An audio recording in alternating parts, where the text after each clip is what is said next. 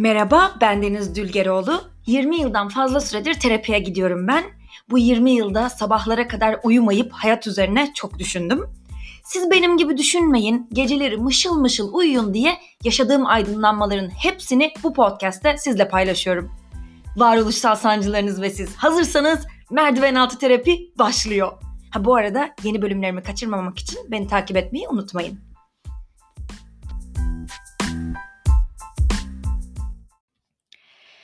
Merhaba, Merdiven Altı Terapi'nin 29. bölümüne hoş geldiniz.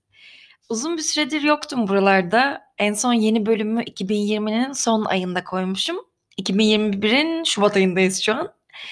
Ama bu yeni bölüm gelmeyen zamanda podcast'imi düşünmediğim bir gün bile olmadı açıkçası. Çünkü her gün onlarca mesaj geldi. Deniz neredesin diye. Gizliden gizliye de hoşuma gitti galiba unutulmamak ama yine de yeni bölüm yapmadım. Yani biliyorum düzenli içerik üretmek iyi bir şey. Daha çok sponsor geliyor, daha çok para kazandırıyor. Dolayısıyla da başarı denen şeye daha hızlı ulaştırıyor insanı. Ama gel gör ki ben o her yaz yeni bir hit çıkaran popçular gibi değilim pek. Sadece talep var diye birileri tüketmek istiyor diye üretemiyorum. Ama bazen de öyle şeyler yaşıyorum ve düşünüyorum ki kendiliğinden yükseliyor böyle duygularım ve hani bir tsunami dalgası gibi sınır tanımadan koca binaları, gökdelenleri böyle yutarak taşıyor içimden.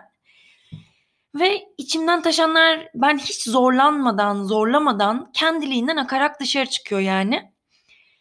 İşte o zaman öyle zamanlarda obsesif bir şekilde genelde tek bir şarkıyı tekrar tekrar dinleyerek yazarken buluyorum kendimi. Ve bu bahsettiğim tsunami dalgası uzun zamandır içimde yükselmemişti açıkçası. Laf olsun diye bir şeyler anlatıp yalandan bir şeyler de dinletmek istemedim size. O yüzden sustum. Susmak da önemli bence. Çok yani biliyorum çok konuşuyorum ama çok konuştuğuma bakmayın. yani sonuçta biliyorum sanki hiç susmadan konuşmayı seven biri olduğumu düşünüyorsunuz muhtemelen. Çok heyecanlı ve hızlı konuştuğum için. Hatta bu podcast'te ilk başladığımda biri mitralyöz gibi demişti benim için. Mitralyöz e, Fransızların yaptığı ta ta ta ta ta ta diye bil yatan bir makineli tüfekmiş. Çok gülmüştüm ilk duyduğumda. Yani haklı. Evet konuştuğum zaman hiç susmak istemiyormuşum gibi konuşuyorum çünkü. Yani o an öyle hissediyorum. Ama yeri geldiğinde susmanın hatta uzun uzun susmanın önemini iyi biliyorum artık. Çünkü sustuğunda dinliyor, okuyor, izliyor. Yani besleniyor insan. Dolayısıyla ne kadar çok susarsanız konuşacak o kadar çok şeyiniz oluyor ağzınızı açtığınızda. Ben de bir süredir sustum. Ve sanıyorum tam olarak bu yüzden şimdi durmamacasına konuşmak istiyorum. Ama öyle kalabalık odalarında el kaldırıp hızlı cümlelerle araya sokuşturulan boş konuşmalardan bahsetmiyorum. Beni dinlemeyen hani sözlerin bir an önce bitsin diye bekleyen konuştuğumuz konuyu değil, nasıl dikkati kendisine çekeceğini düşünen insanlara değil, benim gibi duygular üzerine uzun uzun düşünen insanlara, yani bu podcast'ı dinleyenlere konuşmak istiyorum. Yani meselenin aslında ben değil, anlattıklarım üzerinden hayatı anlama çabamız olduğunun gayet iyi farkında olanlara konuşmak istiyorum ve başlıyorum. Ee, bir haber vererek gireceğim konuya. Eğer eski bir dinleyiciyseniz her bölümün başında introda duyduğunuz için muhtemelen zaten ezbere biliyorsunuz. 20 yıldır fazla süredir terapiye gidiyorum ben. Ve yakın zamanda öğrendim ki terapistim Haziran ayında mesleğe veda ediyor. yani terapim bitiyor. Eğer şu an siz de gülüyorsanız hiçbir şey diyemem. Evet kadını emekli ettim resmen. Ee, bir Woody Allen filmi senaryosu tuhaflığında e, bence 11 yaşında terapiye başlayan bir insanın 34 yaşında terapistini emekli etmesi kendisi terapiyi bitiriyorum demeden terapistinin e, ben mesleğini bitiriyorum diye açıklama yapması. E, ama yeri gelmişken terapistimin yaptığı bir düzeltmeyi burada sizlerle de paylaşmak istiyorum. Ben terapiye çocukken başladım evet ama bugüne dek o aradaki 20 yıl, e, 20 küsür yıl boyunca düzenli olarak terapiye gitmedim aslında. Annemle babamın boşandığı ilk yıl düzenli olarak gitmiştim. Sonrasında hep bir problemim olunca çaldım ben terapistimin kapısını.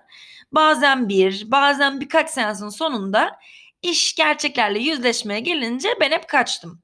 Hani Edip Cansever'in şu meşhur Mavi Huydur Bende dizesi gibi kaçamak huydur bende. Ne zaman ki gerçekle bir gerçekle yüzleşmem gerekir ki ayrılmak bunların başında gelir ben kaçarım. Dolayısıyla terapistim benim için hep sarhoş kenarından o eski sevgili gibiydi. hani aslında sevdiğim, içip de derde düşünce aklıma gelen ama gündüz olup ayılınca işleri yürütemeyeceğimi bildiğim için hemen ortadan sıvıştığım bir ilişkiydi bu. Ve terapiye o kadar kez yeniden başlayıp kaçtım ki bundan yaklaşık 5 sene önceydi sanırım. Tekrar kapısını çaldığımda terapistim bana terapinin zor bir süreç olduğunu ve herkesin bu süreçten geçmek zorunda olmadığını, istemiyorsam kendimi zorlayıp e, sürekli kaçmak yerine ben terapi istemiyorum, bu işe yokum diyerek süreci noktalayabileceğimi söyledi. Yani terapistim böyle dedi ama benim duyduğum şuydu, geldi yine tipini siktiğim. o gün ilk kez fark ettim ki o da benim kadar emek veriyordu bu işe. Bu bir ilişkiydi ve ben yürütmek istemiyorsam sadece onun çabasıyla yürümeyecekti. Ki düşündüğümde terapistim benim için çok şey yapmıştı. Mesela ne yaptı diyecek olursak hemen şöyle bir örnek vereyim. Ee, ben üniversitede okurken 723. kere falan galiba yeniden terapiye başlamaya karar verdim. Ve öğrenci olduğum için terapi seanslarımın e, parasını babam ödüyordu. Ben de seanslara geliyordum ama şimdi dönüp baktığımda anlıyorum ki galiba ben sadece o odaya girip geri çıkıyordum.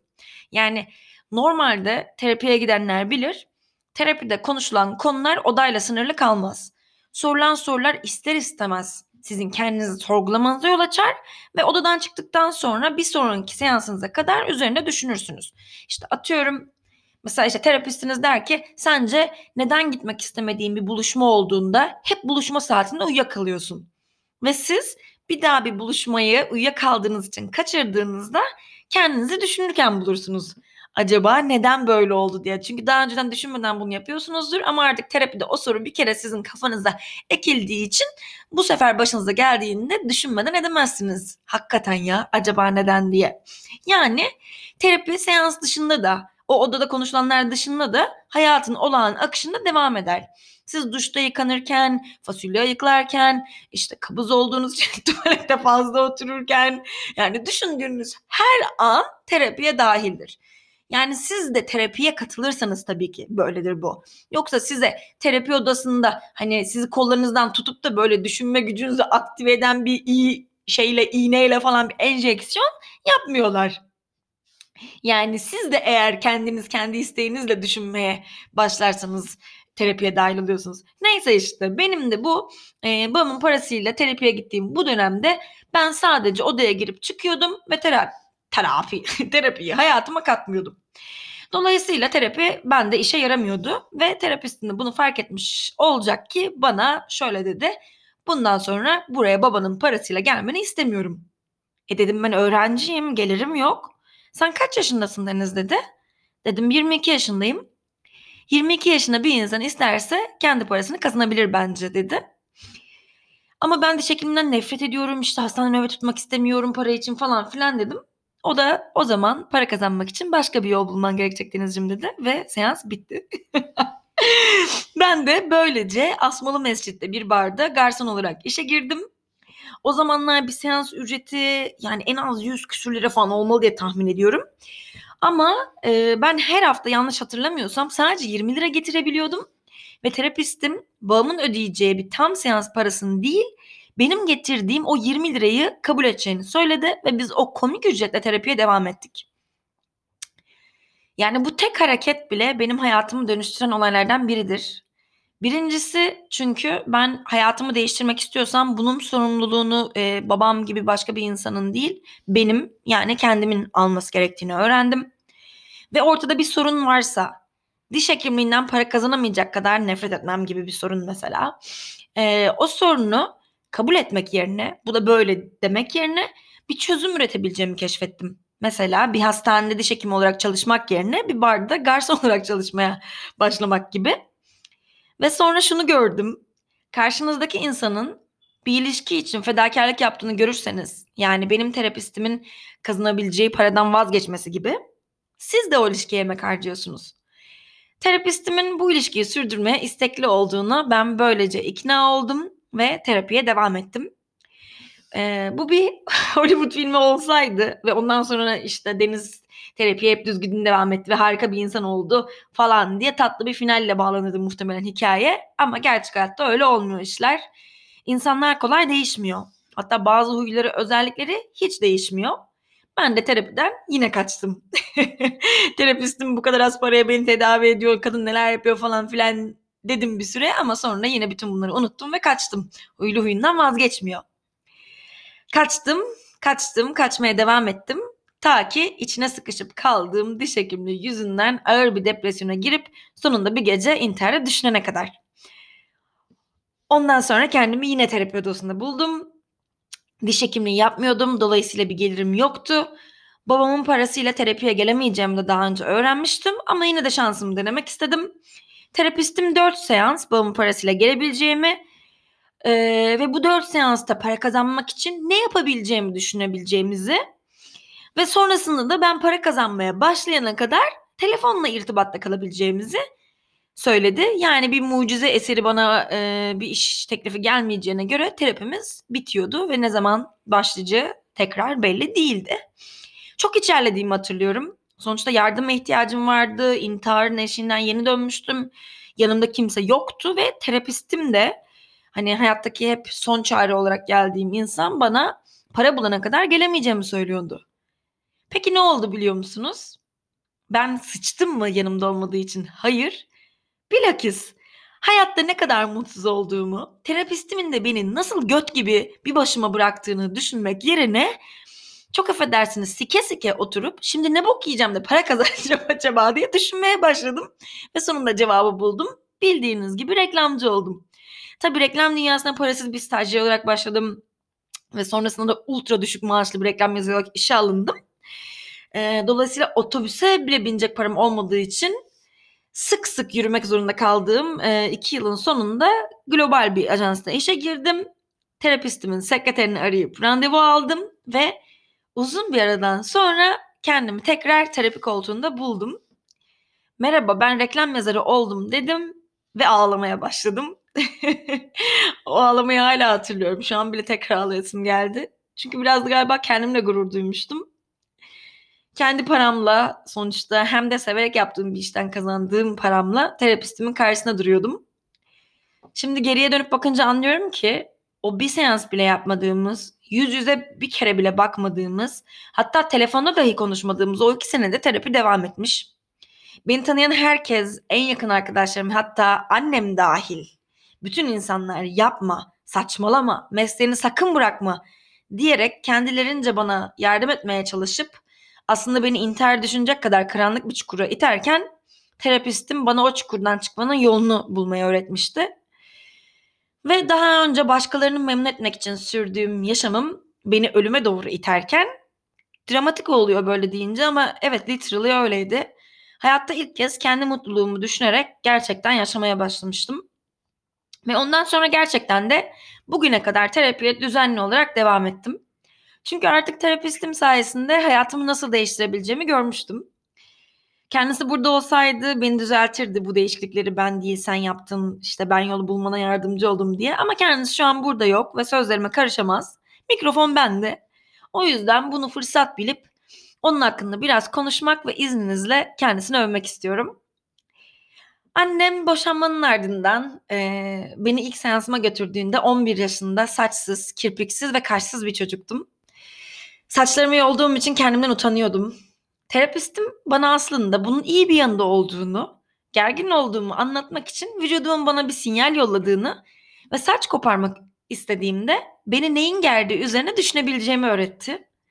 Bu benim için çok önemliydi.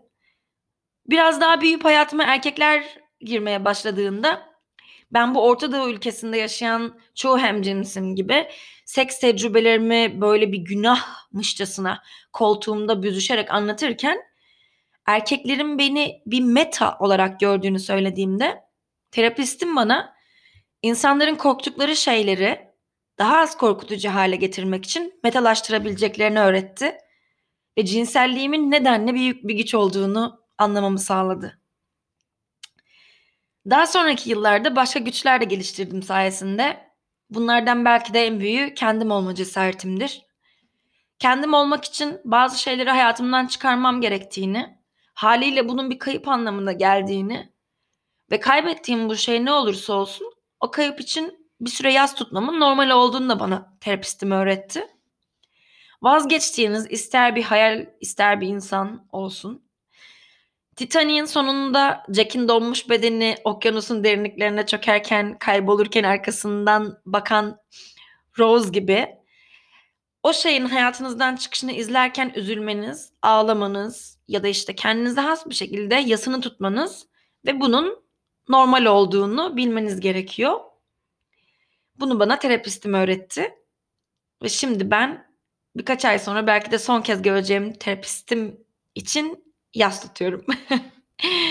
Benimle yıllarca bıkmadan, usanmadan uğraşan, hayatta neyden ve nasıl besleneceğimi gösteren, soru sormayı ve cevaplamayı öğreten, kendimi sevdiren ama hatalarımın da olduğunu ve hep olacağını hatırlatan, beni öz annemden babamdan daha iyi tanıyan, kilitli bir dolabın kapağını aralar gibi kapağımı açıp içime bakan ve ben içim görülecek diye korkudan tir tir titrerken içimdeki güzel şeyleri bulup çıkarıp bana göstererek bana kendi içimi sevdiren, beni ürkek bir çocuktan güçlü bir kadına dönüştüren, mesleğini çok çok çok iyi yapan bir psikolog olmasından da öte bugüne dek tanıştığım belki de en harika insan olan terapistime huzurunuza sonsuz teşekkür ederim. Bu ülkede onun gibi aydın, azimli ve akıllı insanların sayısı çok az. Ve o yüzden ellerimiz acıyana kadar alkışlanmayı hak ediyor bence kendisi. Eğer bu kaydı dinliyorsanız bana merdiven altı terapi podcastimin bir bitirme tezi olduğunu söylemiştiniz. Sanırım haklıydınız. Terapiden öğrendiğim her şeyi dosyalayarak burada hem kendim hem de faydalanmak isteyen herkes için arşivledim. Arşivlemeye çalışıyorum. Ve biliyorsunuz ki her bitirme tezinde danışman hocaya teşekkür edilir. Ben de size teşekkür etmek istiyorum. Sizi tanımasaydım sizin gibi bir insan hayal gücümde bile yaratamazdım. Neyse ki 20 küsür sene konuşmamızın sonucunda artık sizi içselleştirdim. Ve bir yapay zeka algoritması gibi sizin düşünce yapınızı kendi düşünce yapıma entegre ettim. siz olmadığınızda da siz varmışsınız. Sanki o sizinle ilk tanıştığım 10 yaşındaki denizken olarak tanıştığım Beşiktaş'taki o eski odadaymışız gibi düşünebiliyorum çoğu zaman. Siz ne söylerdiniz diye. Ama sizi özlediğimde ve artık göremediğimde ne yapacağım onu hala bilmiyorum. Onu da umarım keşfedeceğim bu süreçte. Ve bu şekilde çıkacaksınız artık hayatımdan ve ben de öğreneceğim veda etmeyi ve güle güle demeyi. Evet. Ee, bu bölüm bir dönüm noktası gibi oldu benim için. Terapi sürecim biterken sanırım hayatımda da yeni bir döneme başlıyorum. Bir gün yine odada karşılıklı koltuklarımızda otururken terapistim söylemişti. Terapi sana çok iyi geldi. Ve sen şimdi reklamcılıktan öğrendiklerini kullanarak terapinin reklamını yapıyorsun aslında merdiven altı terapiyle diye. O an fark etmiştim. Evet. Yani aslında istiyorum ki dinleyenler terapinin ne işe yaradığını anlasın. Kendisi terapiye gitmek istesin. O yüzden e, Boğaziçi'li pırıl pırıl bir genç arkadaşımız tarafından kurulan. Bu arada Boğaziçi direnişine de bir selam olsun buradan. Terapiyi herkes için ulaşılabilir kılmayı hedefleyen Hayvel'i tanıtarak bitireceğim bu bölümü. Hayvel nasıl yazılıyor diye çok soran oluyor bu arada. Kodluyorum. Hakkari, İstanbul, W, Edirne, Lüleburgaz, Lüleburgaz. Terapiye başlamaktan e, maddi ya da manevi anlamda korkuyorsanız başlamak için iyi bir nokta olabilir bence Hayvel. Uygulamayı cep telefonunuza indiriyorsunuz. Birkaç kısa soruyu cevaplayarak size uygun bir terapistle eşleşip randevu alıyorsunuz. Görüntülü konuşma üzerinden terapiniz başlıyor. Evinizden bile yapabilirsiniz diyeceğim ama ben bu pandemi sürecinde online terapilerimi ev dışı mekanlarda yapmanın daha iyi geldiğini fark ettim bana. Seansa gider gibi farklı bir mekana gidip orada dertleri döküp bırakıp geri eve dönmek şahsen daha çok hoşuma gitti benim. Evde yapmayı denediğimde çünkü o dertler böyle sanki benle birlikte kamerayı kapattığımda odanın içinde dönüp durdu benle. Ama tabii siz kendinizi nasıl rahat hissederseniz öyle yapın. Bu arada hayvanın fiyatları da oldukça uygun. Ama deniz koduyla ekstra indiriminiz de oluyor. Eğer konuşmaya, dinlenmeye, anlatmaya ve anlaşılmaya ihtiyacınız varsa denemek isteyebilirsiniz. Umarım faydasını görür ve seversiniz. Ya çok garip geliyor bu arada. Ben kendi terapim biter, biterken başkalarına terapiye başlamalarını tavsiye etmek. Hani böyle çok sevdiğiniz bir kitabı ya da filmi bitirdiğinizde başkalarını tavsiye ederken böyle bir buruk bir hani hüzün hissedersiniz ya keşke bitmemiş olsaydı ben de yeni başlıyor olsaydım diye. Neyse ben şahsen bu dünyada en büyük kötülüklerin görülmemiş, dinlenmemiş ve anlaşılmamış insanların öfkesinden kaynaklandığını düşünüyorum. Ya bu bölüm çok ağladım özür dilerim. Sizin için belki çok anlamlı değil ama benim için çok ağır bir bölüm oluyor. O yüzden e, bu bölümün sonuna gelirken herkese takma demeyip derdini dinleyen, söylediklerine önem veren insanlar diliyorum hayatta. Duygularla dalga geçmeyen, böyle küçümseyip gülmeyen, bazen devrik cümle kurmak, kurmanın her insan için bir ihtiyaç olduğunu bilen ve e, sözlerimi toparlamaya çalışacağım. Diyeceğim ki önemsiz olduğunu hissettiren e, insan başkalarını da kendini önemsiz hissettirmeye çalışıyor ve tehlikeli birine dönüşüyor. Bu yüzden beni dinlediğiniz ve kendimi önemli hissettirdiğiniz için çok teşekkür ederim. Önemli hissetmeyi istemek bir şımarıklık değil. Önemli hissetmek her insan için bir ihtiyaç bence. Umarım kendinize de hak ettiğiniz önemi vermeyi unutmazsınız diyor ve bu bölümün de sonuna geliyorum. Biraz garip olacak ama içimden geldi söyleyeceğim. Hepinizi çok seviyorum. Bir sonraki bölümde görüşmek üzere. Güle güle.